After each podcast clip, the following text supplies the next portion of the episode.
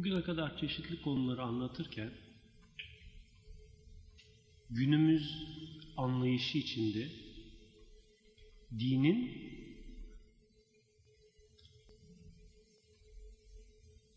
düşünebilen beyinlere göre artık iman edilecek bir şey değil, idrakın gereği olarak tatbik edilecek bir sistem olduğunu anlatmaya çalıştık. Çünkü dedik din tamamen fizik, şimik, astronomik, biyolojik bir takım bilimsel gerçeklere dayanıyor. Ve bunun da çeşitli yönlerini kitapta izah ettik.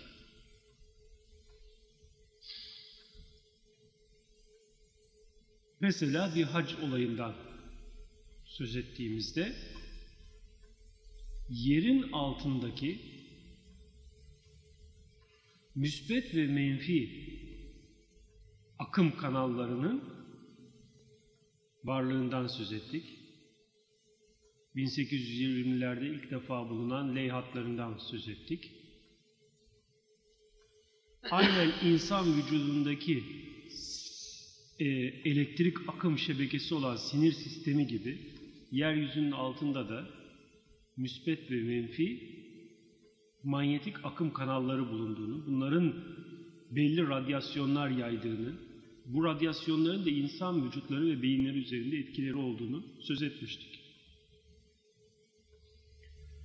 Mesela bu olgudan dayanarak son yapanlarda yapılan bir takım araştırmalar herhangi bir evde yatağınızı koyacağınız yerin tespiti için evvela odada eşya yokken bir içeri bir kedi bırakın diyor. Kediyi bırakıyorsunuz. Kedi gidip nerede uyursa yatağınızı oraya koyun diyor. Çünkü kedi bu dalgaları alıyor. Tabii bu olayın aslında çok daha enteresan dayandığı gerçekler var. Biz anlayamadığımız için bazı gerçekleri veya bazı bilimsel olayları eskiden çözemediğimiz için bir takım hadiseleri başka sebeplere yoruyorduk. Mesela Hz. Peygamber aleyhissalatü vesselam Medine'ye geldiği zaman herkes gel bizim evimizde kal, burası senin için olsun dedi. Fakat o bazılarına göre sosyolojik bir seçim yaptı. Kimseyi kırmamak için deve nereye giderse orada kalırım dedi. Bunu tabii o günün insanı haliyle kimseyi kırmak istememesine bağladı. Halbuki deve yapısı itibariyle yer altındaki müsbet akım kanallarını en iyi algılayan hayvanların başında gelen bir tanesi. O gidişin nerede kalacağını devenin alış gücüne bıraktı. Kendisi söylese olmayacak. Ve deve en yararlı müsbet akımın olduğu ev bölgeye kurulmuş olan Halid bin Velid'in evine gitti. Orada durdu ve Hazreti Peygamber orada kaldı. İnsan beyni dediğimiz gibi tamamen gerek astrolojik tesirler, gerek de yer altındaki bu manyetik akım kanallarının yaydığı radyasyonlarla beslenen ve yönlenen bir yapı olarak çalışıyor. Peki insan beyninde var olan nefs nedir? Bugünkü konumuz nefs. Türkçe'de nefis diye bahsedilen şey.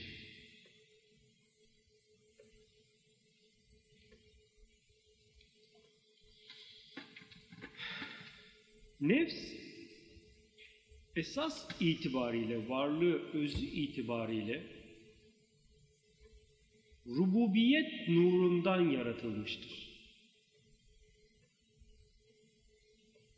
Nefs rububiyet nurundan yaratıldığı için, rububiyet nurundan meydana geldiği için de yapısının gereği olarak dilediğini yapmak ister ve yapar. Engel tanımaz. Hayır veya şer, iyi veya kötü diye bir mefhum bilmez. O sadece dilediğini yapar, yapmak ister.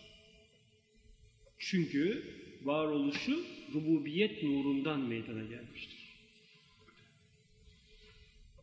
Nefsin aslı nefsiküldür. Nefsikül nedir?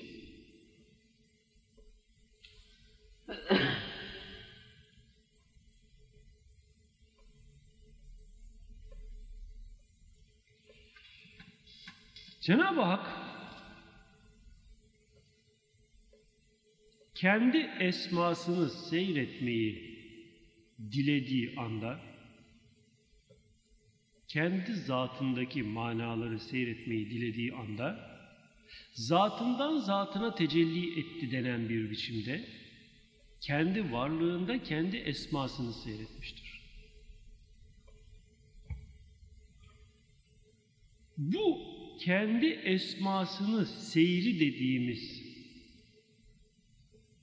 halin neticesi olarak bu esmanın toplu bulunduğu manalar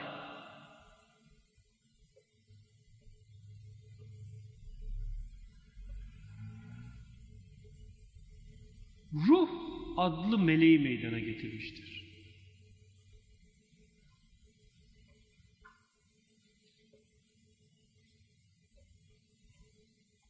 Ruhu azam da denilen bu ruh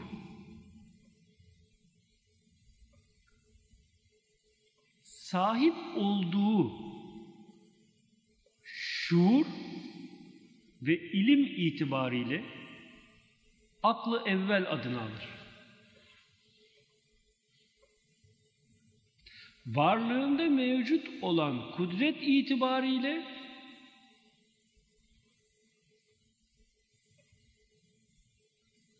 nefsi kül adını alır. Hayatiyeti, canlılığı itibariyle ruhu azam, ruh adını alır. Sahip olduğu manalar Esma-i ilahi itibariyle de hakikat-ı Muhammediye adını alır.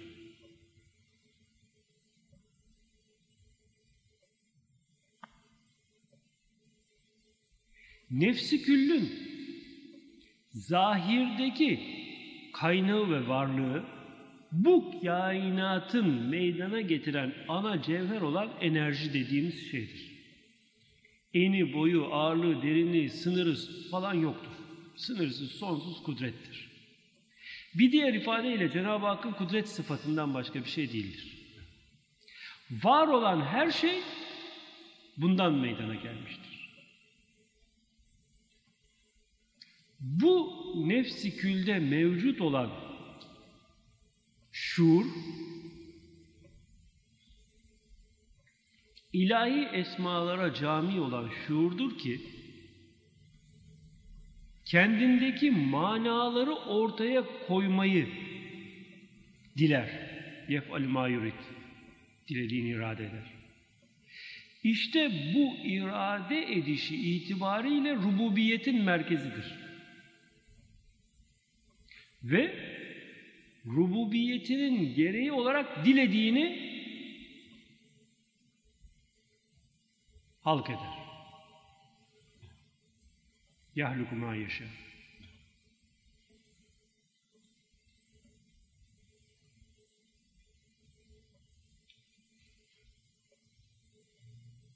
Bu nefsi külden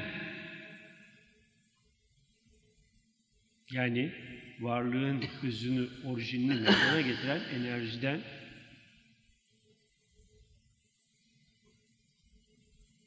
ana rahmindeki Sperm yumurta birleşmesiyle hasıl olan cevhere 120. günde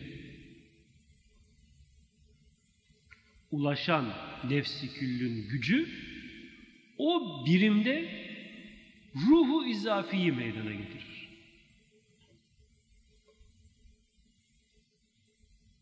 Yani beyin 120. günde canlılığa kavuşur, faaliyete geçer ve bu nefsikül dediğimiz varlığı meydana getiren orijin enerjiden aldığı hayatiyet gücüyle kendi ruhunu meydana getirir.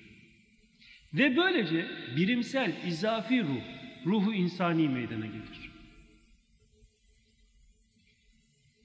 Aynı zamanda da hayatiyet yönüyle ruh, varlığı enerjisi yönüyle nefsikül, ilmi itibariyle de akla evvel olan cevherden geldiği için bu güç, o birimde bir şuur oluşur. Hayatiyet, yani beyin bir yandan ruhu üretiyor. Bir yandan onda bir şuur meydana geliyor. Böylece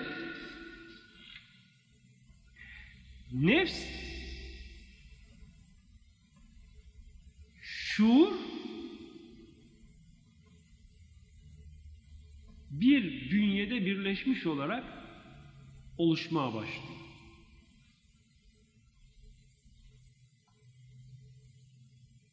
Bunun özellikleri ise daha sonraki 7. ay, 9. ay devresinde ve doğum anında meydana gelen tesirlerle kişilik mefhumu oluşuyor. Ve bu kişilik mefhumu o kişinin aynıyla da ruhuna yansıyor.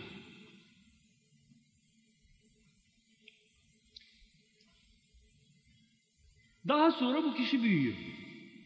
Büyüdüğü zaman bu kişide bir benlik mefhumu oluşuyor. Ben diyor, ben kelimesiyle kastettiği bir varlık var. Fakat şartlanmaların ne istikametteyse beni o şekilde tanımlıyor, anlıyor. Ben mefhumu şaşmıyor, ben mefhumu var. Ama o beni şartlanmalar ne yoldan nasıl gelmişse öyle bir ben kabul ediyor. Ve bu ben dediğin nefs kendisinde neyi isterse onu yapmak istiyor. Nefs neyi isterse onu yapmayı diliyor.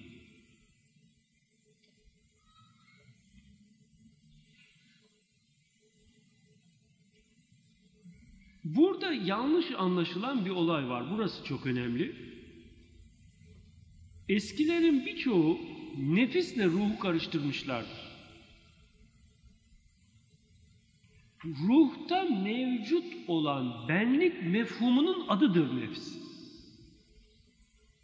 Ruhta mevcut olan benlik mefhumunun adıdır nefs. Nefsin istekleri diye bilinen şeylerse bedenin tabiatının iktizası olan şeylerdir.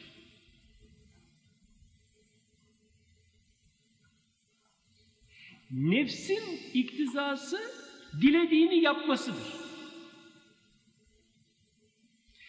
Nefs kendini beden kabul ettiği için bedende gözünü açtığı, bedende kendini tanıdığı ve kendini beden kabul ettiği için bedenin istek ve arzularını kendi istek ve arzularıymış gibi kabullenip bedene dönük emirler vererek yaşamını sürdürür. Fakat kendisinin bedenin ötesinde bir varlık olduğu yolunda bir açılım olursa o zaman yaşamı değişmeye başlar.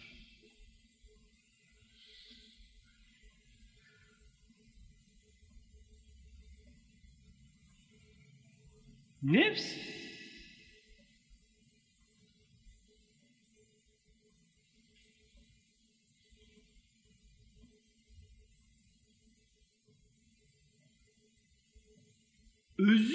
itibariyle Nefs özü itibariyle yani benliğinin hakikati itibariyle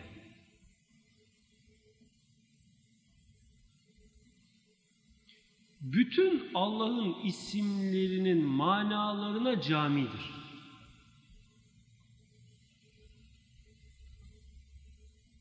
Çünkü nefsin aslı nefsiküldür. Nefsikül esmanın toplu olarak bulunduğu ruhu azamın varlığıdır. Yansımasıdır, aynasıdır.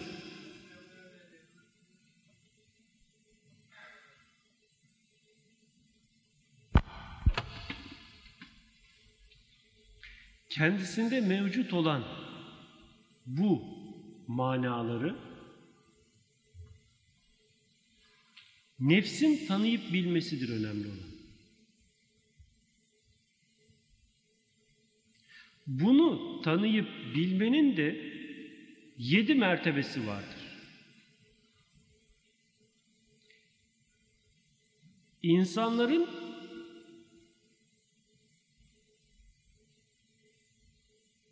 geneldeki meratibi yedidir. Yani bütün insanlar yedi mertebeden bir tanesindedir. Bu yedi mertebe nefsin kendini tanıma mertebeleridir.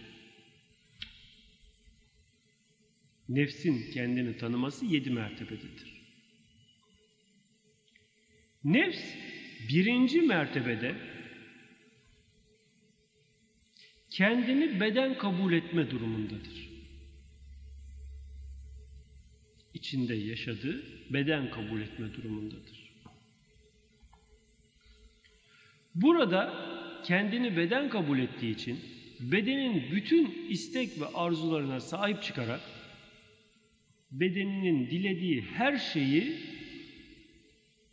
yapma emrini verir ve onları yaptırtır. Bu emreden nefs anlamına emmare nefis, nefsi emmare denmiştir.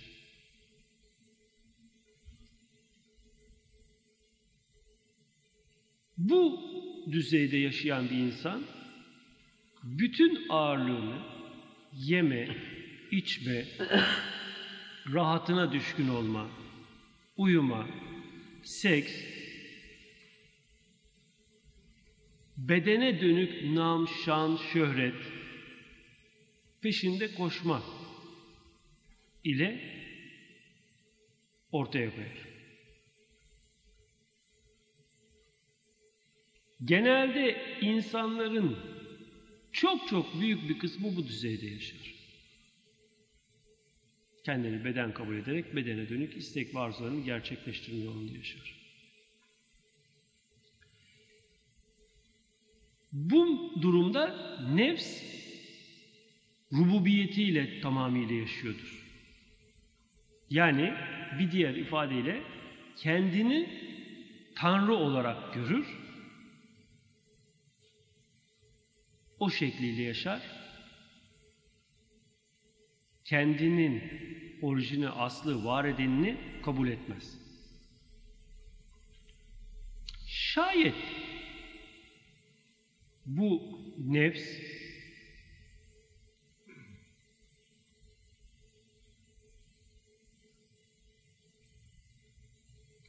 akıl gücünü kullanabilirse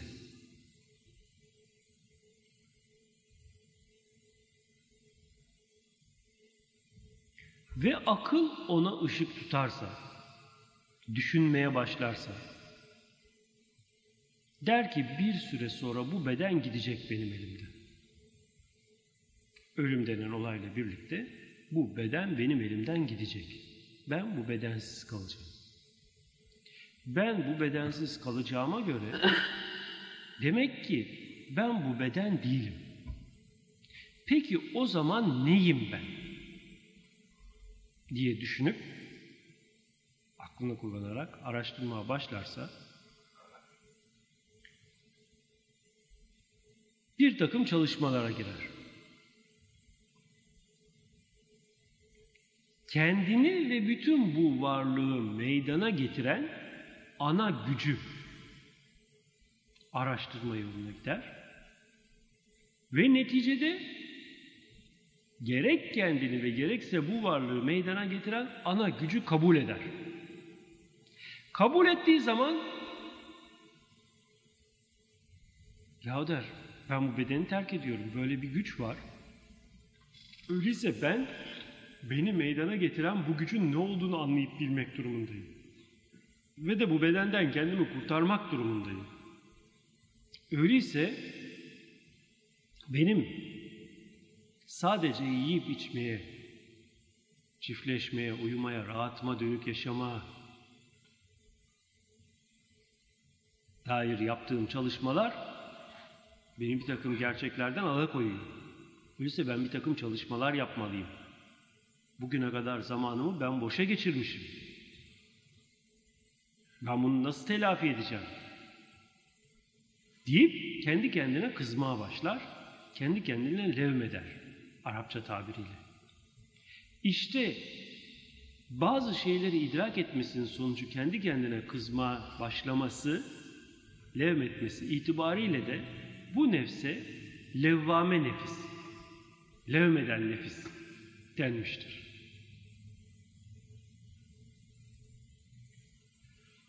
Bu eksiklerini görüp de bunları tamamlama yolunda bir takım çalışmalar yaptıktan sonra beyinde belli hassasiyetler oluşur. Bu hassasiyetler neticesinde beyin belli ilhamlar almaya başlar. Bu ilhamlar neticesinde o nefs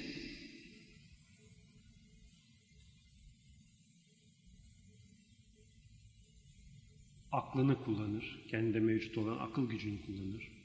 Tabi bu akıl gücü de aklı külden ilham almaya başlar. Çünkü nefsin aslında nefsi kül olduğu, nefis nefsi külden meydana geldiği gibi kendinde mevcut akıl da aklı külden akıl almaya başlıyor. Ve bunlar ilham yolu kendisine geliyor. Bu aldığı ilhamlar neticesinde şunu fark etmeye başlar. Varlıkta iki tane mevcut yoktur. Varlık tek bir mevcuttan ibarettir. O da Allah'tır. E peki varlık tek bir mevcut olduğuna göre, onun dışında ikinci bir mevcut olmadığına göre, kendi varlığı benliği mevcut. Bu hiçbir zaman yok olmuyor. Ha o zaman der ki benim nefsimin hakikati o mevcut olan tek varlık. O zaman anlar ki nefsi nefsi küldür. O zaman anlar ki aklı aklı küldür. O zaman anlar ki ruhu izafisi gerçekten ruhu mukaddestir. Ana kadar benim nefsim var, bir de nefsi kül var. Benim aklım var, bir de aklı kül var. Benim ruhum var, bir de ruhu mukaddes var diye düşünürken bu gelen ilhamlar sonucu anlar ki nefsi nefsi küldür. Aklı aklı küldür. Ruhu ruhu mukaddestir. İşte bu ilham alışı sonucundaki adı nefsi mülhimedir. Yani ilhama kavuşmuş, ilhamla kendini bulmuş nefis anlamında.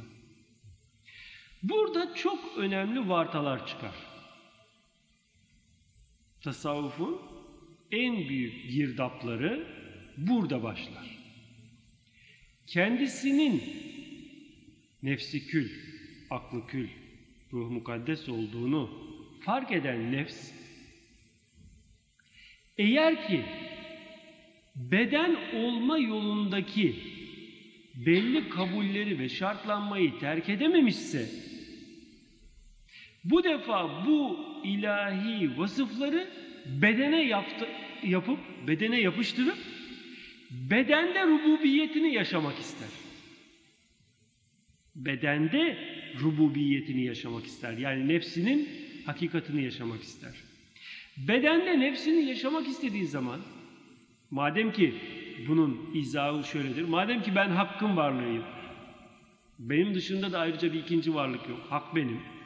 O zaman ben dilediğimi yaparım der ve bedene rububiyeti verip en güzel şekilde yemeye, en güzel şekilde içmeye, en güzel şekilde seks hayatı yaşamaya, en güzel şekilde dünyalığa sahip olmaya kayar ve bu defa o yüce mertebeye çıkmış nefs bedenin tabiatı içinde boğulur gider. Helak olur gider. Çünkü nefs hakikati itibariyle yukarı yükselmeye yönelik bir yapıyken kendinin beden olduğu yolundaki kabul edişten kurtulamadığı için rububiyeti bedene verdi ve dolayısıyla da tabiat batağında boğulur. İşte en önemli geçilmesi gereken ve en zor geçilen girdap burasıdır. Burayı geçmenin yegane yolu, burayı geçmenin yegane yolu, bedenin istek ve arzularına karşı çıkmak, kendinin beden olmadığı yolundaki ilmi sürekli olarak hatırda tutup muhafaza edip bedenin istek ve arzularına sürekli karşı çıkmak. Mümkün olduğu kadar az yemek, az içmek, az uyumak, mümkün olduğu kadar sekse hakim olmak veya kaldırmak belli bir süre için. Maddeye dönük istek ve arzuları terk etmek. Ta ki kendisinin hakikati kendisine meleke olarak yerleşecek. Kendisinin hakikati kendisine meleke olarak yerleşecek. Nefs bu hakikati meleke olarak kabullenip de tatmin olduğu zaman işte o zaman nefsi mutmainne adını alır. Velayetin ilk basamağıdır, kapısıdır, girişidir nefsi mutmainne. Nefsi mutmainneye geldiği zaman kendinde de çevrede de hakkın varlığından başka bir şey göremez. Var olan sadece haktır, hakkın dışında hiçbir şey yoktur.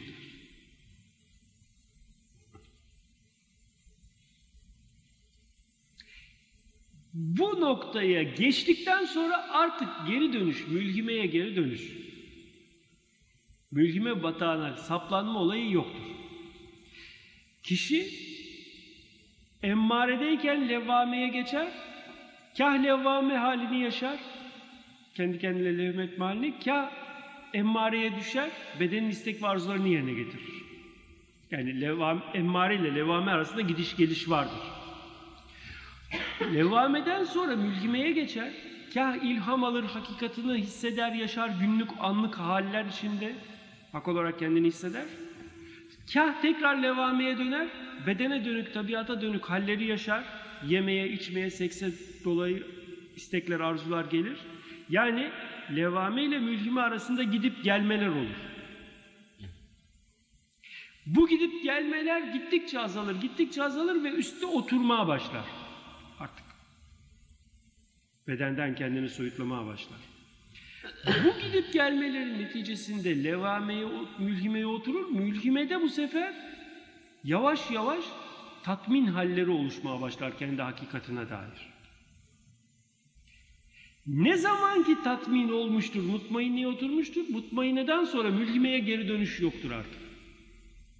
İşte onun için Ela inne evliyallah la hafun aleyhim ve la hum yahsenun. Evliyaullah için ne bir korku ne de bir mahzunluk doğuracak, hüzün doğuracak hal mevcut değildir, mü gelir. Fakat sanma ki mutmainliğe geldikten sonra da bedene dönük istek ve arzular onda uyanır. Yok. Artık onda bedene dönük istek ve arzular kalmamıştır. Niye? Çünkü hakkın hakikatini yaşamaya başlamıştır. Şimdi bunun ilerisine geçeceğim fakat geçmeden evvel burada önemli bir noktayı daha vurgulamak istiyorum.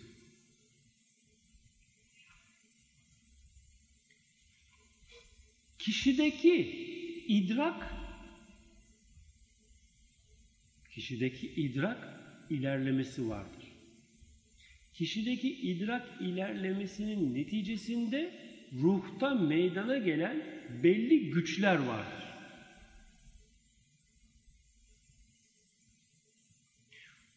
Bir de nefsin tabiattan kendini kurtarması olayı vardır. Kişide ilerleme iki yönlü olur. Bir, ruhun güçlenmesi, gelişmesi. iki nefsin terbiye olması. Genelde tasavvufta tarikatlar bu iki sistemden birini tercih etmişlerdir. Bazı tarikatlar ruhu güçlendirmeye ağırlık vermişlerdir. Nefsi ikinci plana bırakmışlardır. Bazı tarikatlar nefsi terbiyeye ağırlık vermişlerdir. Ruhu güçlendirmeyi nefse bağlı olarak ilerletmişlerdir. Yani nefsi terbiye ederken nefsin kendi hakikatini anlaması neticesinde bedenden kopma mücadelesi vermesini söylüyorum. Yani ki sen şimdi nefsinin hakikatinin hak olduğunu anlıyorsun. Bunu anlamanın neticesinde nefsinin kendini beden kabul etmesinden ileri gelen bir takım alışkanlıkları var.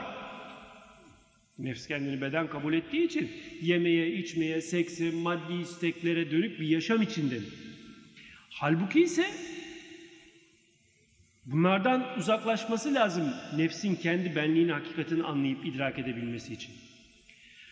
Bununla birlikte bir de yapılan zikir, ibadet, tesbih, gece namazı vesaire gibi şeylerle ve de nefse yüklediğin o bilgilerle ruh güçleniyor. Eğer kişi eğer kişi ruhunu güçlendirme yolunu tutmuş, ruhunu güçlendirmiş ilimle mutmainneye geçmiş ise ruh mutmainneye geçti. Fakat nefs mücadelesine girmedi. Nefs mücadelesine girmediği için de nefs tabiatın hükmünden kendini kurtaramadı. Nefs tabiatın hükmünden kendini kurtaramadı.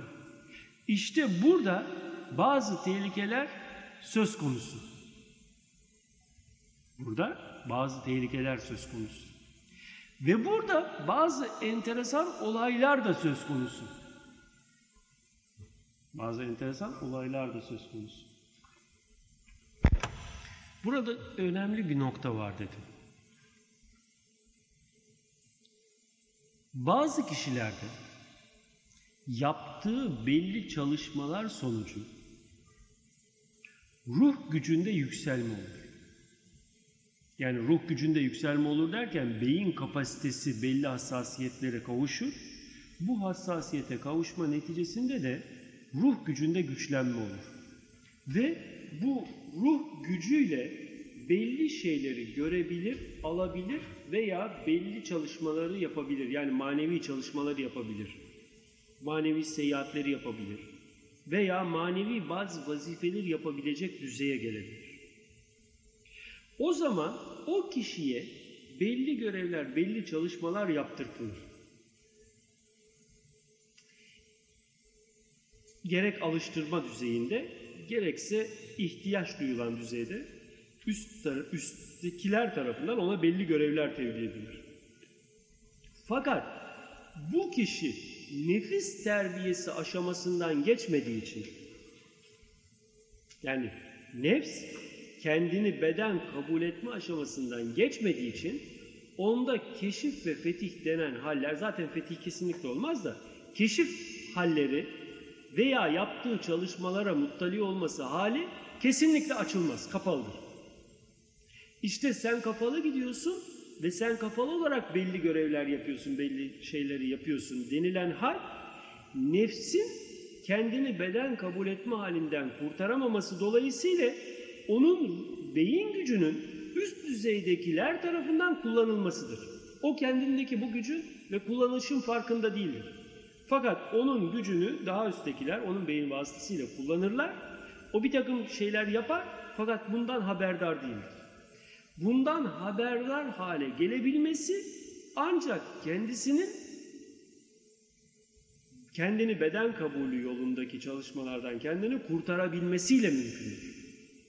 Aksi takdirde o kişi nefs yani ruh gücü mutmainliğe ulaşmıştır. Fakat nefs henüz levamededir veya mülhimededir. Mühim olan her ikisinin de mutmainliğe ulaşmasıdır. Her ikisi de mutmainliğe ulaşmadıkça o kişi kendi yaptığı manevi görevlere, manevi çalışmalara muttali olamaz. Bu önemli hususlardan biridir. İşte bakın şimdi e, burada buna dikkat edin. Falanca evliya, falanca evliya kaybetti, derecesinden düştü, velayetini de kaybetti derler. İşte bu falanca evliyanın mertebesinden düşmesi, velayetini kaybetmesi denen olay sadece ruh gücüyle mutmainneyi aşmış fakat nefs itibariyle mülkimede olan yani velayeti asalet kazanmamış, velayet alıştırması düzeyinde olan için geçerlidir. Onlarda olur bu. Yoksa hem nefs hem de ruh olarak mutmainliğe ulaşmış kişide kaybetme, geri dönme, kayma olmaz. O ayetin kapsamı altındadır. Ve la hafun ya ela inna evliyallahu la hafun aleyhim ve la. Allah'ın evliyası için hüzün ve korku yoktur hükmü. Ancak nefs ve ruhun yani benliğindeki teklik şuuru ile birlikte ruh gücünün bir arada olmasıyla kabildir. Ondan evvel aldığı güçlü ilim, idrak ettiği hakikat la o kişi ruhaniler arasında manevi olarak bulunabilir, staj olarak bulunabilir, bir takım görevler yapar, görevleri yapar fakat nefis terbiyesi olmadığı, yani nefs kendini beden kabul etme halini terk edemediği için mutmainliğe ulaşamamıştır ve tehlikededir bu. Ve en büyük tehlike de buradadır. Çünkü ruh o nimete kavuşmuş, beyin o nimete kavuşmuş fakat nefs beden olma haline atamamış. Bu kaybetme korkusuyla baş başadır. Ne zaman ki nefs de bununla birlikte mutmainliğe oturur, artık onun için kaybetme tehlikesi bitmiştir. Nakşi ve benzeri tarikatlar ruh gücünü arttırmaya gider. Ruh gücü belli bir düzeye geldikten sonra zaten nefsi de kontrol edip onu yetiştirir der. Bu tarzı tatbik eder. Kadiri, Rufai, Bedevi gibi tarikatlar nefs terbiyesine ağırlık verir. Nefs terbiyesiyle birlikte aynı düzeyde ruhu geliştirir. Tarikatlar arasındaki farkı anlatıyor. Esas olarak tarikatların tarzı, farkı buradadır. İşte mutmainne düzeyine geldikten sonra nefs veli adını alır. Mutmainne düzeyindeki kişi ilmel yakin sahibidir.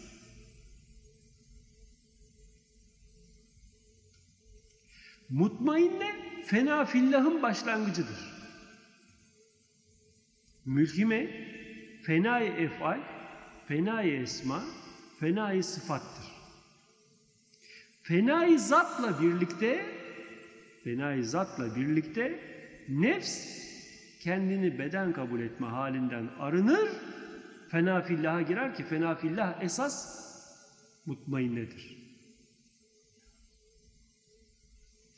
Ama fena fillaha nefsle birlikte ruhun girmesi olayı vardır veya sadece ruhun girmesi nefsin sonra girmesi olayı vardır. Bunu burayı karıştırmayalım. Mutmainne ve mutmainneye müteakiben nefsi radiye fena fillahtır. Mardiye bakabillahtır.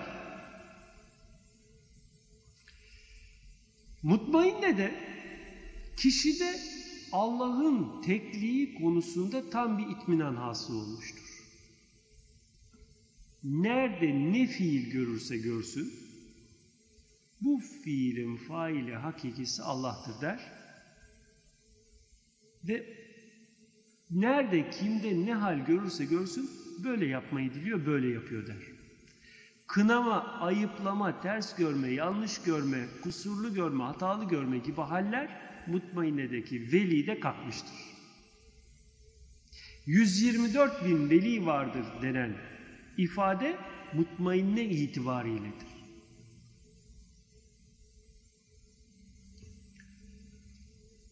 Bu mutmainnede oturma hali, yerleşme hali neticesinde kişide rıza hali oluşur. Madem ki her şeyi meydana getiren Hakk'ın kendisidir, Hakk'ın kendisidir. Burada Hakk'ın kendisidir derken kendindeki nefsinin hakikatinin de hak olduğunu bilir ama gene de bir kendini görme hali tam kaybolmamıştır. Yani şirki hafi daha burada mevcuttur. Mutmainnede ve radiyede şirki hafi daha mevcuttur. Kalkmamıştır ortada. Yani varlığın aslının hak olduğunu bilir. Enel hak der. Ama buna rağmen de o enel hak sözünün içinde hafi bir benlik vardır. Bu hal içinde her şeyden razıdır.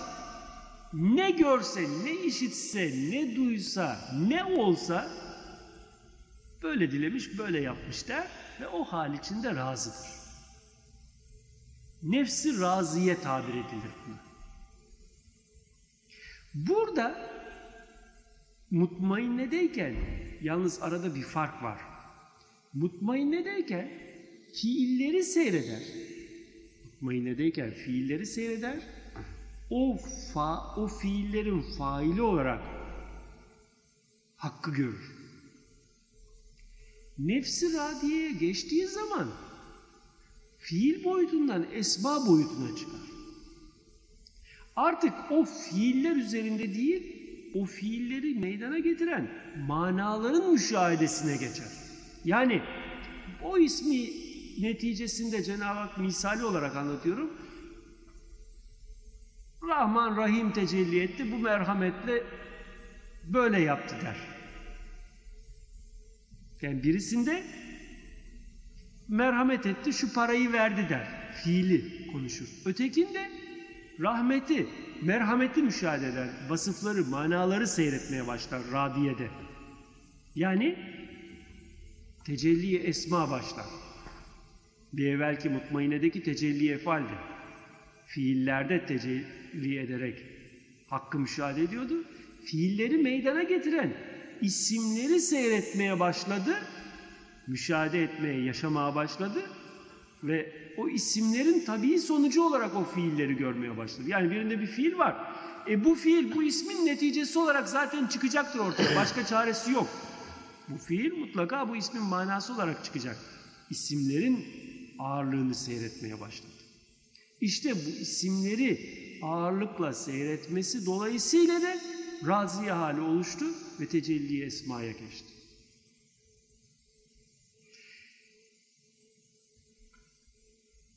Levvame bir grup. Başlı başına. Mülkime başlı başına bir grup. Mutmainne radiyeyi de içine alan bir gruptur. Evliyanın 124 bininin çok büyük bir kısmı, belki 120 bini mutmainne düzeyindedir. Bunun 4 bini de diyelim radiyededir.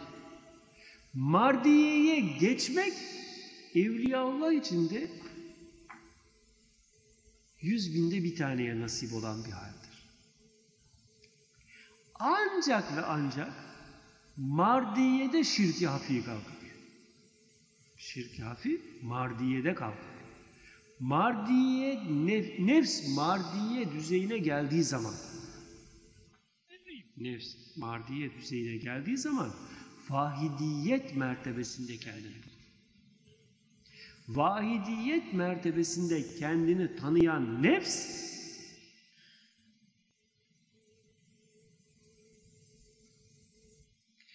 ilahi vasıflarla kendini tanır. Haydır, alimdir, mürittir, kadirdir, semidir, basirdir, mütekellimdir. Ve bütün bu vasıfların sonucu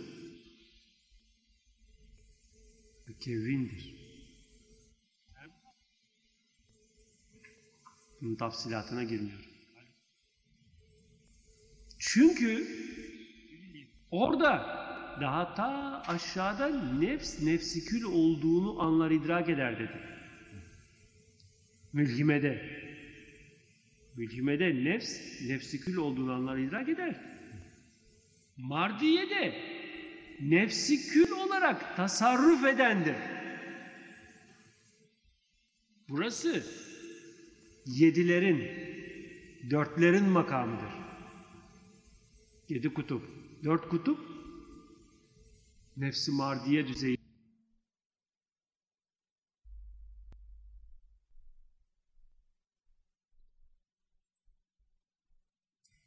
Mutmainnedeki velidir. Radiye'deki veli mükemmeldir. Mardiye'deki veli kamildir. Safiye'deki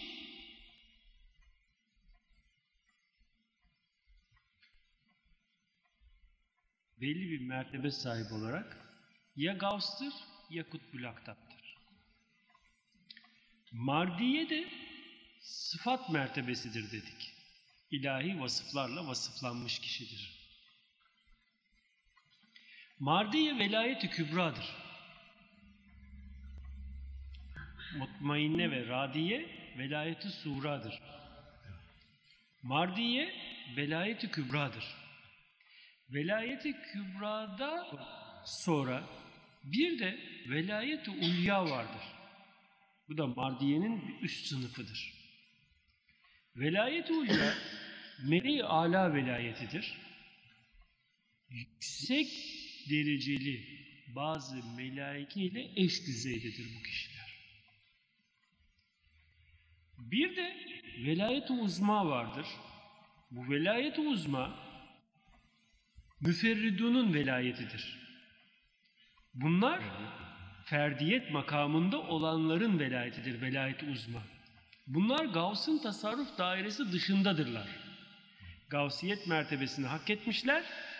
Fakat Gavs bir tane olduğu için bunlar Gavs'ın dışındaki kişilerdir. Ferdiyet sahipleridir. Tasarruf dairesi dışındadırlar. Yani e, Mardiye'den sonra Safiye gelir.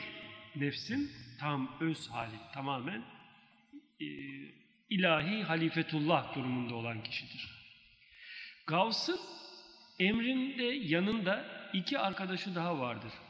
Bunlardan dünyanın idaresiyle görevli olan Gavs'ın yardımcısı Kutbul Aktap'tır. Aynı zamanda Rical-i Gayb ordusunun başıdır. Gavs olmadığı zamanlar Rical-i Gayb ordusunda ve divanda başkanlık eden Kutbul Aktap'tır. Gavs'ın solundadır. Gavs'ın sağında da Kutbul İrşat vardır. Kutbul İrşat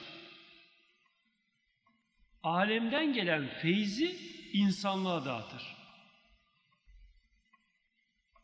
Kutbül İrşad dünya işlerine karışmaz.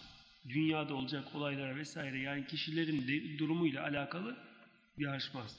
Alemden gelen feyzi yani çeşitli burçlardan o devir bulunduğu devir içinde gelen kozmik ışınımı gerektiği kişilere kanalize ederek onlarda belli bir feyzi oluşturur.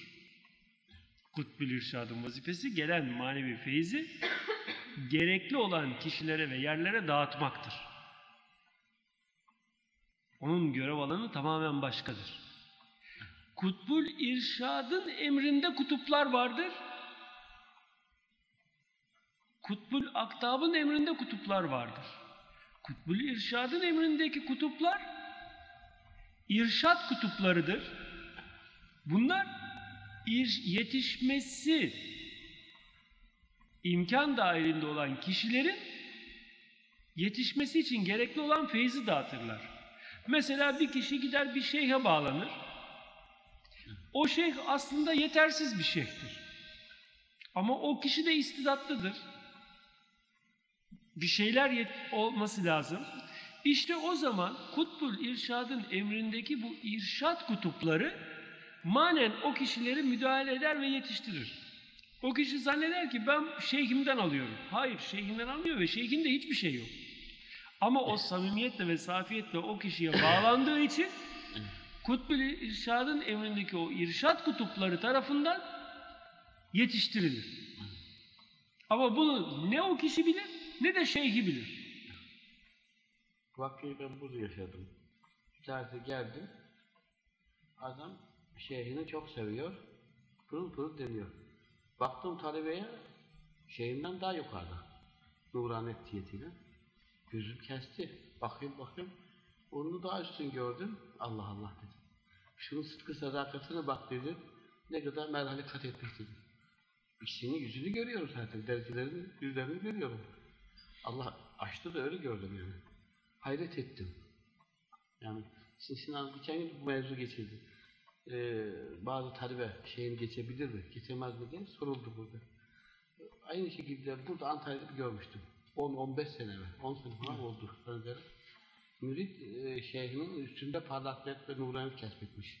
Uğraş İşte o şeyin vaktin irşat kutuplarından birinin himayesinde yetişiyordur. Ama o bilmez onu şeyhimden alıyorum Evet, diye bilmiyor, bilmiyor. Ben gider ve bilmiyor. geçer gider. Bilmiyor hiç. O kadar samimi, o kadar sadakatli ki merhale kat etmiş. Gördüm. İşte Hayatımı unutamıyorum bunu. evet. İşte irşat kutupları kutbu irşattan aldıkları feyzi dağıtan kutuplardır. Bunların diğer halkın idaresiyle ilgili kutuplarla alakası yoktur. Yani onlarla karıştırmamak lazım. İki tür kutup vardır. Bir, idari kutup, bir irşadi kutup. İdari kutuplar, rical gayb tabir edilen manevi ordunun görevlileridir. Bu en başta Gavs vardır. Gelen ana feyz Gavs'a gelir. Gavs bu feyzi irşat yönüyle irşat kutbuna nakleder. Dünyanın düzeni dolayısıyla alınması kararlar, oluşması gereken olaylar yönüyle de kutbul aktaba devreder. Bu kararlar esas olarak divandan çıkar. Evliya Allah'ın divanı vardır. Bu her gece, her e, ayın 14. gecesi yapılır. Gökteki ayın, dolunayın 14. gecesi aylık toplantılar muntazaman yapılır. Bir de senelik, senede bir bir toplantı vardır. Büyük toplantıdır o. O Mekke'de Hıra Dağı'nda yapılır. Aylık toplantılar çeşitli bölgelerde yapılır. Bu toplantılara insanı kamil o zaviyede yaşıyorsa Gauss, insanı kamil Gauss'un üstündedir. Ayrı bir ferttir ve ancak belli asırlarda vardır. 3-4 asırda bir gelir. Gauss her asırda vardır. O Gauss öldü mü yerine başka bir Gauss tayin olur. Gauss'un dediğim gibi iki kutbu vardır. Bu iki kutbu, iki kutup iki ayrı kanala ayrılır. Kutbul Aktab'ın emrinde dörtler vardır. Kutbul Aktab'a bağlı olarak. Dörtlerden sonra yediler vardır. Yedilerden sonra kırklar vardır. Pardon dörtler, yedilerden sonra on ikiler vardır. On ikilerden sonra kırklar vardır. Kırklardan sonra da üç yüzler vardır. Üç yüzler tabir edilir. Esas 313 kişidir bunlar. Ki mesela e, Ladikli Ahmet Bediüzzaman bu 300'lerdendi. Bunların ikisi de 300'lerde vazifeli olan Evliya Allah'tandı. Onun dışında 300'lerden sonra da 1200 kişilik bir grup vardır. Ondan sonra da 124 bin. Esas ana görevliler bu 1200'lere kadar olan gruplardır. Bunlar kendi kademelerine göre belli kutuplardır. Bölgesel kutuplardır. Ayrıca bunların teferruatı olan mahalli kutuplar vardır. Yani Evet. belli bir bölgeyi içine alan belli kutuplar vardır. Mesela İstanbul bölgesi diyorsun veya Ankara bölgesi diyorsun. Ankara bölgesi diyorsun ama ci- civarındaki 2-3 şehri daha içine alıyor. Bunlar bölgesel kutuplardır. Burada belli kararlar alınır. Divan 66 kişidir. Bu 66 kişinin yaklaşık 46 kişisi şu anda ahirete intikal etmiş kişilerden oluşuyor zaten. Divan ehli seçilen yüksek rütbeli zat öbür tarafa intikal etse de divandaki görevi gene devam eder. Bunun dışında yaklaşık 20 kişisi de şu anda yeryüzünde yaşayan kişilerden. Burada belli kararlar alınır. Yani divan karar organıdır. Orada kararlar alınır. Di- Divanın esas başkanı Hazreti Resulullah Aleyhisselatü Vesselam'dır. Orada alınan kararlar icra organı tarafından yani Kutbul Aktab'ın başkanlığındaki icra organı tarafından tatbik edilir. Yeryüzünde olan bütün savaşlar, barışlar, ihtilaller, kavgalar, büyük felaketler, depremler, sel felaketleri, fırtınalar, şunlar bunlar, bu tür büyük olayların hepsi bu organlar tarafından kararlaştırılır ve kontrol altına alınarak bel- e, belli bir kontrolle tutulur. İşte bunlar yani bu bahsettiğimiz zevatın kırklara kadar olan bölümü Mardiye'ye ulaşmamıştır. Kırkların bir kısmı Mardiye'dedir, bir kısmı Radiye'dedir. Kırkların reisi Mardiye'dedir.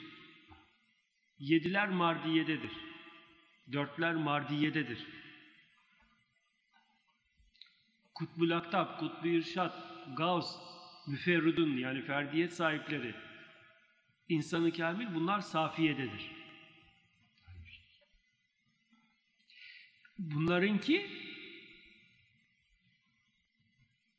artık tarife, tabire sığmaz. Yani bu buradaki yaşamın nasıl olduğunu anlatmak mümkün Yani değil. yaşantı olmak lazım. O kime nasip olmuşsa, kime takdir olmuşsa onlar tarafından bilinen bir yaşam yani bizimkiyle. Biz ancak işte bunun böyle lafını ederiz. Allah nasip etmiş ola da biz de o hallere muttali olalım. Bizim Eyüp'e tevfik ve mehbus seçiliyor. İşte e, bu görevlerde yani daha alt düzeydeki görevlerde belli ruh gücüne erişmiş yani belli beyin hassasiyetine ulaşmış. Belli bir vahdet görüşünü almış, kabullenmiş kişiler stajyer veli olarak görev alırlar. Yani beyin kabiliyetleri ve kapasiteleri itibariyle görev yapabilecek güçtedirler bunlar. Bunlar önceden tespit edilir. 10 sene, 5 sene, 7 sene staja alınır. Bu staj süresinde henüz nefs mücadelesi, nefs terbiyesi var olmamıştır daha onlarda. O yüzden stajyerdirler zaten. Ve yukarı güçtekiler bunlara belli görevleri intikal ettirirler ve onlar da farkında olmadan o güçleri kullanarak çevrelerinde belli tasarrufları yaparlar. Bu arada da yetiştiricileri tarafından nefs terbiyesini alırlar. Nefs terbiyesi kendini beden olarak kabul etme halinden kurtulma mücadelesidir. Senin kendini bir beden, bir birim olarak kabul etmene yol açan hallerden kurtulman. Bu olmadan, bu gerçekleşmeden veli olman, yakin kazanman mümkün değildir. İlmel yakin, ilmel yakin mutmainnede hasıl olur. Mülhimedeki yakin değildir. Mülhimedeki ilmel yakinin gölgesidir. Bilgi yollu belli şeyleri hissediştir. Mutmainnede ilmel yakin hasıl olur. Bu radiyede aynel yakine döner. Mardiyede hakkal yakin hasıl olur ve onunla ilgili de ve ilahi sıfatlarla tahakkuk eder kişi. Bu anlattıklarım çok yüksek derecede bir takım hakikatlardır. Bunların siz şu anda kıymetini bilemezsiniz. Bu derslerde hem şey oluyor ki Hakkal yakın olunca e, sıfatı esma-i şeyi tamamen kendinde görme. İşte ilahi vasıflarla tahakkuk etme hali. Yani o sıfatlarla tahakkuk ediyorsun. Onların gereği olan halleri kendinden ortaya koyuyorsun. Ama kendinden derken bundan değil. Hı. Nefsi kül olarak Evet. varlığından. Radiye'de tecelli esma vardır.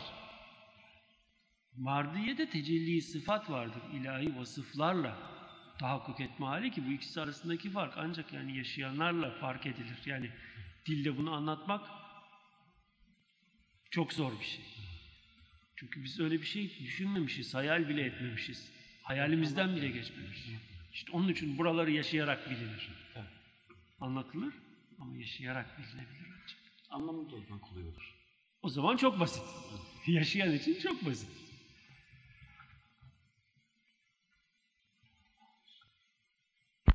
Şimdi Gauss dünyada yaşadığı sürece Gaussiyet görevini ifa eder.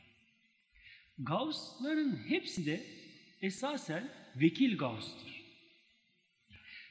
Her mertebenin bir asili vardır ve o asilden sonra gelen vekilleri vardır. Ga esas Gavsiyet mertebesinin asaleten sahibi Abdülkadir Geylani'dir. Gavs-ı Azam'dır. Diğer devirlerde gelen Gavslar da vekaleten Gavslık görevini yaparlar. Gavs mertebesinin sahibidir. Fakat ahirete intikal ettikten sonra Gavsiyet görevini bırakır.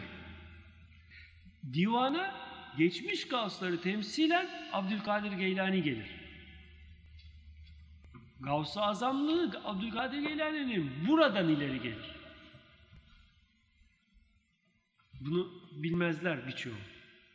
Yani Gavs-ı Azam der. Niye Gavs-ı Azam? E kutbiyeti, irşadiyeti kendinde toplamıştı. Hayır onun için değil. Abdülkadir Geylani asaleten Gavs'tır ve de Gavs-ı Azam'dır. Yani kendisinden diğer Gavslar ahirete geçtikten sonra divana katılmazlar. Görevlere karışmazlar. O mertebe ihraz etmiş, tabiri caizse emekli olmuş gibidir. Öbür tarafta manevi alemde bir takım görevler yaparlar. Dünya işine karışmazlar ama Abdülkadir Geylani Gavs-ı Azam olarak, asaleten o görevin sahibi olarak dünya işlerine müdahale yetkisi vardır. Diğer gavslar dünyadan ayrıldıktan sonra dünya işine müdahale etmez. Ama Abdülkadir Geylani'nin dünya işlerine müdahale yetkisi vardır ve o yönüyle Gavs-ı Azam'dır. Dünyada yaşadığı kadar o kişi gavsiyet görevini yapar, intikal edince öbür dünyaya, öbür dünyanın görevini yapar. Bir de bu arada dediğim gibi geçenlerde de bahsetmiştim, her yüzyılda bir gelen mücedditler vardır. Çünkü yüzyılda bir dünyanın ahvali değişir. Dünyanın genel ahvali değiştiği için o günün şartlarına göre dini tecdit etmek gerekir. Dini tecdit ederken dinde yeni şartlar meydana getirmek değil, dini o günün şartları içinde anlatmak, o günün anlayışına göre anlatmak. İşte bunu yüz yılda bir gelen mücedditler yapar. Mücedditler de çok yüksek dereceli zevattır. Hayır, Gavs'tan yüksek değil. Mücedditler tecdit görevini yaparlar. Bu gö- yaptıkları görevin gereğini icra kurulu tatbik eder. Bir yandan da kutbu irşatla ortak çalışır. Mücedditler esas itibariyle kutbu irşatla ortak çalışırlar. Onlar tecdidi yapar. O tecdit istikametinde kutbu irşat diğer kutuplarla feyzi yayar.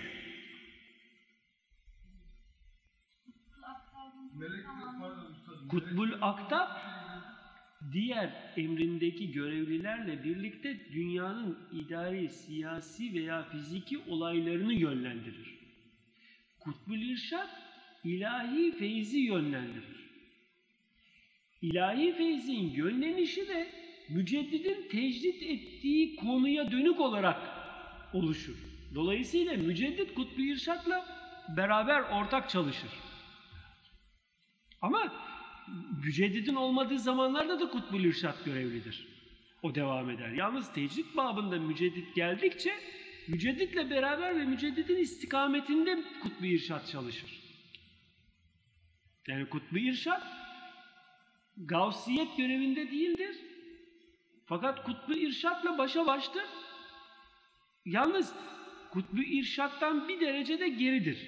Çünkü kutbu irşat ana feyzi dışarıdan alıyor. Ama bir derece geridir derken bakın burada e, yanlış anlamayın burası çok hassas bir konu. Kutbu irşatlar nübüvveti tarifiye sahipleridir. Çünkü tecrit görevini yapıyor. Fakat halka dönüktür. Gaybından alır, müceddit gaybından alır, halka verir. Müceddit gaybından aldığı şeyi kutbu irşadın afaktan aldığı feyizle birleştirerek halka yayar. Çevresine yayışı kendindendir. Dünya üzerine yayışı kutbu irşadın gücünden yararlanaraktır. Asıl müceddidi. Müceddidin görevi. Bu anlattığım tafsilat bildiğim kadarıyla hiçbir kitapta mevcut değildir. Evet. Cenab-ı Hak işte aklımıza getiriyor sizin hürmetinizi. Bu gecenin hürmetini getiriyoruz, konuşuyoruz. Alınıyor. Almıyor ben. Alıyor. Neyse, eee, şimdi ruh adlı meleğe gelelim. Varlığı meydana getiren, hakikat-ı Muhammediye namıyla tarif edilen ana ruh, ruhu azam aynı zamanda bir güçtür. Güç oluşu itibariyle bir melektir. Zaten derler ki senin nefsinde hem melekiyet mevcut hem şeytaniyet mevcut. Yani nefsin hakikati bu melek tabir edilen bu güçtür. Vehme tabi olursa nefs şeytaniyete bürünmüş olur. Eğer ki kendi özüne yönelirse meleki güçlerini kullanmış olur. Bu meleki güçlerini kullanarak hakikatine ve aslına dönmüş, hakikatinin aslının gereğini yaşamış olur ki nefsin mertebeleri meydana çıkar. Anlatabildim mi?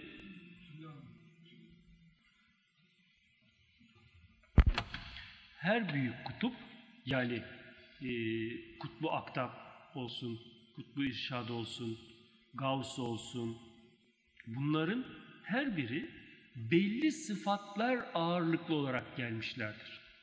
Mesela Abdülkadir Geylani Hazretleri kudret sıfatının zuhuruyla ağırlık kazanmıştır. Yani hayat, ilim, irade vardır. Yani haydır, mürittir, alimdir. De Kadir ismi yönünden kudretle gelmiştir. Dolayısıyla onda çok büyük tasarruflar vardır. Şah Nakşibend alim ismi yönünden çıkmıştır. ilimle gelmiştir. Seyyid Ahmet Rufai ve Bedevi onlar da kudret sıfatıyla zuhur etmişlerdir. Onlardan da o yüzden olağanüstü olaylar gelmişlerdir. Büyük olan bu zevatın her birinde belli sıfatlar vardır.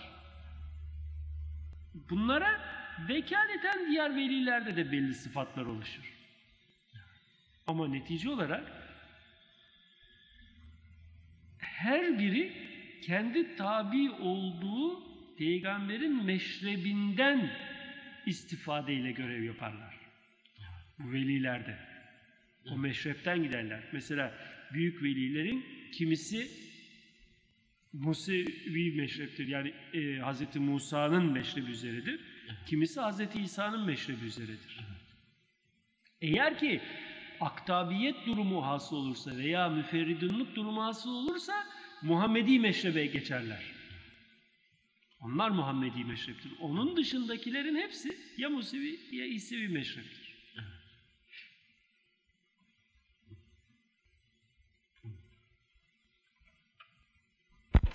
Marifet ikiye ayrılır. Birinci marifet mülhimede hasıl olur. Belli riyazetler ve bedenle mücadeleler sonucunda kişide belli marifetler oluşur. Bu marifetler belli kerametleri de doğurur. Fakat burada kişilik mefhumu henüz vardır. Evet. Fakat yoğun riyazat dolayısıyla bedende hafifleme meydana gelmiştir ve bu hafiflemeyle belli fiilleri, olağanüstü fiilleri ortaya koyar. Bu Allah'a gidiş sırasında oluşan marifettir. Ve bu düzeydeki kişiye arif derler. Yani işin hakikatine arif olmuş ve belli halle, belli bir marifet sahibi. Bu daha sonra mutmainnede hakikata döner. Marifetten sonra mutmainnede ve radiyede hakikat hasıl olur. Bu hakikat neticesinde mardiyeye geçerse o zaman marifeti billah meydana gelir. Yani Allah'ın bilişiyle bilme hali. Ki ona da arifi billah derler. Mardiye makamında hasıl olan marifete arifi billah derler. Üç, mülhimedeki, üçüncü mertebedeki ariftir. Altıncı mertebedeki arifi billahtır. Yani varlığındaki Allah'ın ilmi ile her şeye agah olan, arif olan zat demektir. Hakikattan sonraki marifettir. İşte bazılarının şeriat, tarikat, marifet, hakikat demeleri, bazılarının da şeriat, tarikat, hakikat, marifet demeleri bu farka dayanır. Hakikattan sonra marifet diyenler Mardiye'deki marifetullah'tan söz ediyor. Ben de buna şey diyordum. E, hakikattan sonra marifet, bazı marifetten sonra hakikat. Marifetten sonra hakikat diyenler mülhimede has, hasıl olan irfan babındaki mariftir. Evvela em, e, levamedeki tarikattır. Mülhimede marifet hasıl olur. Bu marifetin neticesinde de hakikata vasıl olur. Mutmainnede ve radiyede. O sıralamada budur. Ötekilerse mülhimedeki marifeti hiç kale almazlar. Onlara göre o önemli bir şey değildir. Tarikattan sonra mutmainnede hakikat, radiyede hakikat hasıl olur. Bunun neticesinde mardiyeye geçerse marifetullah'a sahip olarak arifi billah olur. İşte o zaman hakikattan sonra marifet gelir derler. Anlamış oldum bunu. Çok şey diyordum. Neden bunlar böyle yazıyor, söylüyorlar diyelim. E Bunları izah Evet, etmemişler kitaplarda genellikle de onun için. Ben de şöyle bilirim. Marifeti e, mesela ilme yakın veyahut da keşif yolları hakikatta daha yüksek mertebe olarak hissediyor. Öyle düşünüyordum. Şimdi dediği gibi bazı yerde de böyle bahsediyor. Hakikat marifet diyor. Bu nasıl oluyor diye düşünüyordum. Biri aşağı biri yukarı geliyordu. Hep burada da oluyor. Bu Bu farktan bak. imanı billah'ta Tabii. doğuyor. Tabii bu doktrinleri akla geçirdim. Şimdi Diyen ikisi de hayır birbirlerini şey etmediler. Bir de İstanbul'da karşılaştım böyle hadise. İstanbul'da bilmeyerek bir ruhum imbisat etti, genişleme yapmaya başladı. Yine ikisi beraber geldiler. Ben onları görüyorum. Bir zahir alim bizi göğe bozuverecekmiş. Nice sebepse bilmiyorum ne kafalarında ne vardı. Onlar söylüyor, ben onları söylüyorum. İki evliyalar tasarruf ediyor. Açıktan açık yani ben onları görüyorum, onlar bana söylüyorlar. Ben de karşı taraf söylüyorum. Öbür adam sapıtmaya başladı. Karıştırdı. Oradaki üç beş kişi dediler ki ona, onlara. Ya dedi, şeyinle amel etmediğin için, ilmiyle amel etmediğin için, böyle arkadaşın karşısında durma dediler. Adam konuştuğunu da şaşırdı, konuşmaz hali geldi. Ondan sonra ona ayrıldılar. İşte birden ayrıldı. İkisi de yanıma geldi. Biri sağımda, biri solumda. Onlar ne derse onlar bir de vereyim ben onlara. Şimdi adam şaşırdı, konuşamaz hali geldi. Ters dedi durdu. Hadise böyle oldu. Bu vakayı yaşadım. Şimdi e, Evliyaullah kendisine iltica edene sahip çıkar, yardım eder. Evet. Fakat bazen mesela sizin bu bahsettiğiniz gibi olaylar olur. Mesela o hem Nakşi, Şah Nakşibend'e bağlanmıştır hem de diyelim ki Seyyid Ahmet Rıfai'ye bağlanmıştır veyahut da Bediüzzaman yardımcı olmuştur, ona bağlanmıştır. Bunlar aralarında çekişme olur. Yani o da sever, Evet. yardımcı olmak ister, öteki de ister. Fakat şimdi burada bir de müferridunun farkı vardır. Müferridun kibriti ahmer gibidir. Yani ona rast gelmek muazzam bir lütfu ilahi. Yeryüzünde bir insana, yeryüzünde bir insana ulaşacak en büyük nimet müferridundan bir zata rastlamaktır.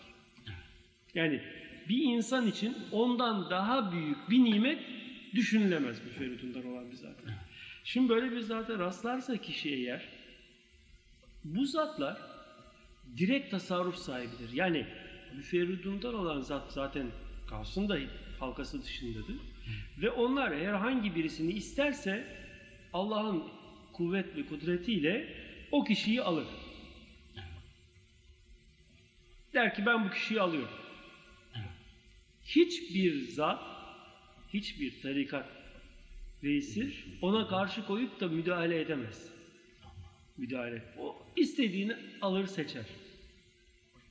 Allah dilediğini kendine seçer ayeti müferridundan tecelli eder. Ve o kendini alır seçer.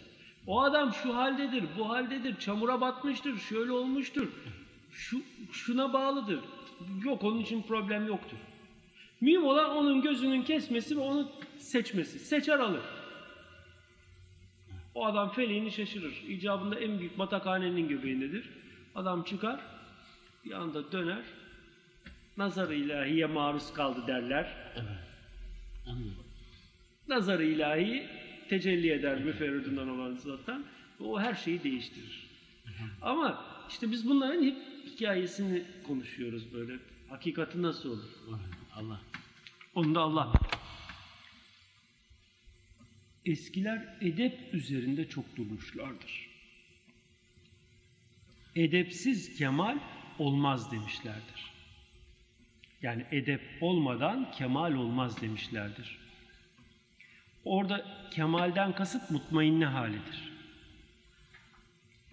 Edepten mua, murat da, edepten kasıt da şudur. Bizim anladığımız manada karşındakine hürmet etmek, çevrendekilere hürmet etmek demek değildir edep. Biz edebi çok dar, kısıtlı ve sınırlı anlıyoruz. Yahya Efendi dergahının girişinde de orada yazılıdır yukarıda. Edep yahu der. Edep kelimesinden murat nefsin bedene tabi olmamasıdır. Edepten murat nefsini bedene tabi olmaktan, bedenin tabiatına tabi olmaktan kurtarmaktır. Şimdi özellikle edepsizlik mülhimede başlar. Her ne kadar levamede kısmen varsa da edepsizlik hali, edebe riayet etmeme hali özellikle mülhimede oluşur. Çünkü nefs aldığı ilhamlar sonucu kendi hakikatine yönelip rububiyetin hakikatini idrak etmeye başladığı zaman kafa rububiyet hakikatlarıyla ve sırlarıyla meşgul olmaya başlar. Bununla meşgulken beden de kendi hükmünü icra ederek istediği gibi, dilediği gibi at koşturmak ister. Ve nefsin bedene burada tabi olması hali edepsizlik diye anlatılan haldir. Yani edep noksanı, edep eksikliği. Yani sen o anda kendini ruh boyutunda belli idraklar içinde hissettiğin için bedene boş veriyorsun. Bedene boş vermişliğin farkında olmadan nefsin bedene tabi olma halini getiriyor. İşte bedene, bedenin tabiatına tabilik çıktığı andaki halin adıdır edepsizlik. Nefs bedene tabi, bedenin istek ve arzularına tabi olduğu anda ki halin adıdır. Edepsizlik. Bedenle, tabiatla mücadele hali edep edinme hali diye tarif edilmiştir. Dolayısıyla edep olmadan mutmainne hali olmaz ve veli olamaz kişi. Edepsiz kişi veli olamaz derler. Bunun manası budur. Bunu dar manada anlayıp da çevrendekilere hürmet etmek diye anlamak çok yanlış ve hatalıdır.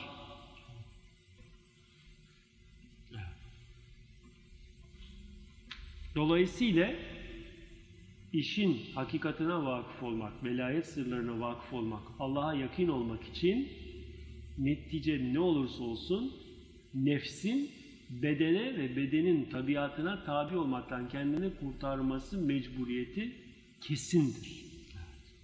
Başka türlü Allah'a yakın elde edilmez.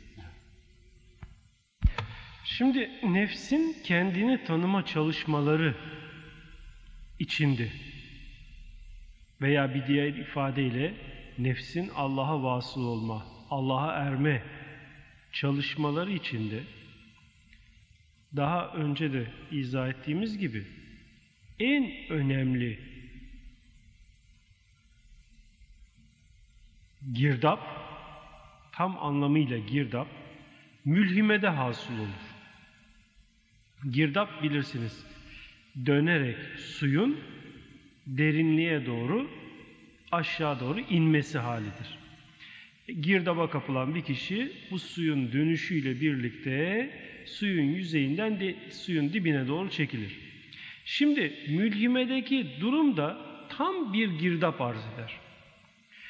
Mü gelen ilhamlar neticesinde kişi kendisinin varlığının hak olduğunu ve de hakkın dışında mevcudatta bir varlık var olmadığını hisseder, yaşar. Bu yaşamın neticesinde sanki bedeni yokmuş gibi olur. Ve bu kendinin hak olduğunu yaşaması neticesinde kendisinde tecelli eden rububiyet sırrı tamamen eğer tabiat mücadelesinden o kişi geçmemişse, yoğun bir riyazatla bedenin istek ve arzularına istediği anda gem vurabilme özelliğini kazanamamışsa, bedene ruhu yani şuuru tabi kılar. Bu tabi kılış neticesinde de bedenin istek ve arzuları istikametinde sorumsuz davranışlar ortaya çıkar. Madem ki ben hakkım, dilediğimi yaparım, dilediğim gibi yerim, içerim, uyurum, yatarım, kalkarım gibi görüşlere kapılabilir. Namazı, abdesti, orucu, zekatı, haccı vesaireyi terk eder. Benim bunlara ihtiyacım yok. Benim varlığım hakkın varlığıdır. Hakkında namaza, oruca, abdeste, diğer emirlere ihtiyacı yoktur. Bunlarla kayıt altına girmezler. İşte bu kişideki yanlış bilgiden veya onu yetiştiren, yönlendiren, ona bir takım şeyler öğreten kişideki yetersiz ilimden doğan çok önemli bir varta, çok önemli bir girdaptır. Burada bilinmesi gereken husus varlıkta mevcut olan hakkın zatı ve esması itibariyle her şeyden münezzeh olması yanı sıra bedenin de kendi içinde bulunduğu mertebenin şartlarına tabi olduğu gerçeğidir. Beden içinde bulunduğu boyutun şartlarına tabidir. Şuur boyutunda siz hangi gerçeği yaşarsanız yaşayın, beden boyutunda bedenin şartlarına tabisiniz. Nitekim velen tecileri sünnet Allah'ı tebdila Allah'ın düzeninde, nizamında, adetlerinde asla tebeddül, değişiklik olmaz. İşareti Kur'an'da bu hususa büyük ışık tutar.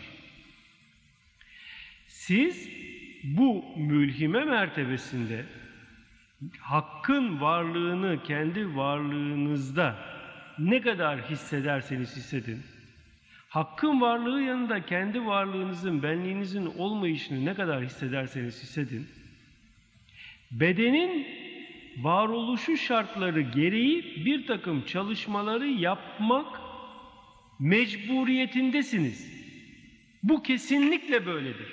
Hiçbir şekilde bu ortadan kalkmaz.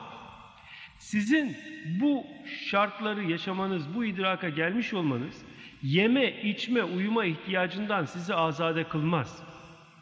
Bunun gibi bedenin ve bedendeki beynin oluşturduğu ruhtaki güçler de bedendeki faaliyetlere bağlı olarak oluşur.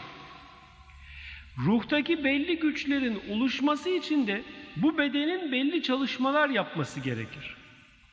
Bu çalışmalar yapılmadığı takdirde ruhta bu güçler hasıl olmaz. Bu ilim hasıl olmaz. Bunun eksikliği neticesi eğer yönlendirici de yanlış veya yetersiz bir yönlendirici ise kişiyi emmare düzeyine inmesine yol açar. Yani mülhimedeki girdap kişiyi bir anda alır emmare düzeyine indirir. Emmare düzeyine inen kişi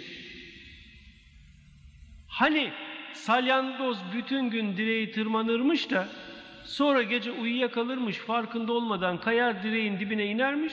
Ertesi sabah uyandığında kendini direğin dibi tepesinde sanıp bulunduğu yerden daha yukarı çıkıyor zannıyla direğin gene en altından yukarı doğru tırmanmaya başlarmış. Hesabı nefsi emmareye mülhimeden düşer Ondan sonra da emmare hali içindeyken kendini mülhimede gibi düşünüp yani kendi varlığının hak olduğunu düşünüp emmare nefsin gereği bir biçimde bedenin istek ve arzularına dönük yaşam tarzını kendine seçer.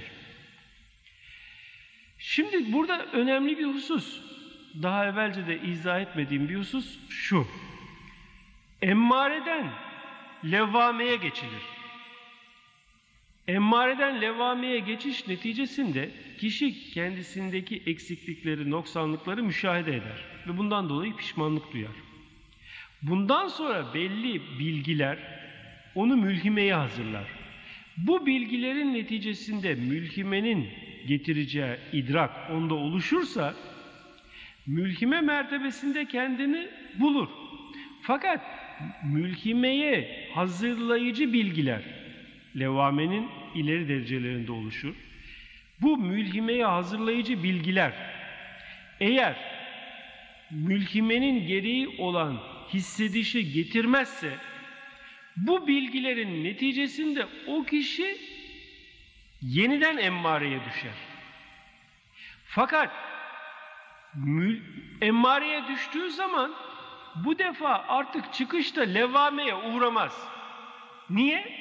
Çünkü mülkimenin bilgilerine sahip olduğu için kendi varlığının hak olduğunu bildiği için yaptığı yanlış fiillerden yani emmareye dönük fiillerden dolayı pişmanlık duymaz. Pişmanlık duyarsa ikilikte olacağını, kendisine bir varlık vereceğini, halbuki varlığının var olmadığını bilir. Bilmesi hasebiyle de pişmanlık olmaz. Bu pişmanlığın olmaması demek artık bu kişiye levvame yolunun kapanmış olduğunu gösterir. Yani bu kişi emmareye yerleşir, mülhimeye sıçramalar yapar. Levvame hali bunda oluşmaz. İşte bu emmareden mülhimeye sıçramalar yapıp tekrar emmareye düşmesi sıra, süreci içinde gerçekten bu işin hakikatini yaşayan bir kişiye rastlarsa o zaman o kişi onu gereken biçimde uyararak, ikaz ederek işin sistemini, tekniğini anlatmak suretiyle onu emmareden kurtarıp mülhimede yerleşik hale getirir. Mülhimede yerleşik hale geldiği zaman da o kişi ilham yollu idrak ettiği, yaşadığı hali şuurunda yaşarken bedeninin de içinde bulunduğu şartlar boyutunda, genişliğinde gereğini yerine getirmek suretiyle kendini mutmainliğe hazırlar. Yani bir kişi mülkimeye geldiği zaman varlığının ilahi, hakiki varlık olduğunu idrak etmek suretiyle bir yandan yaşarken bir yandan da namazını kılar, orucunu tutar, zikrini yapar, insanlara yardım eder.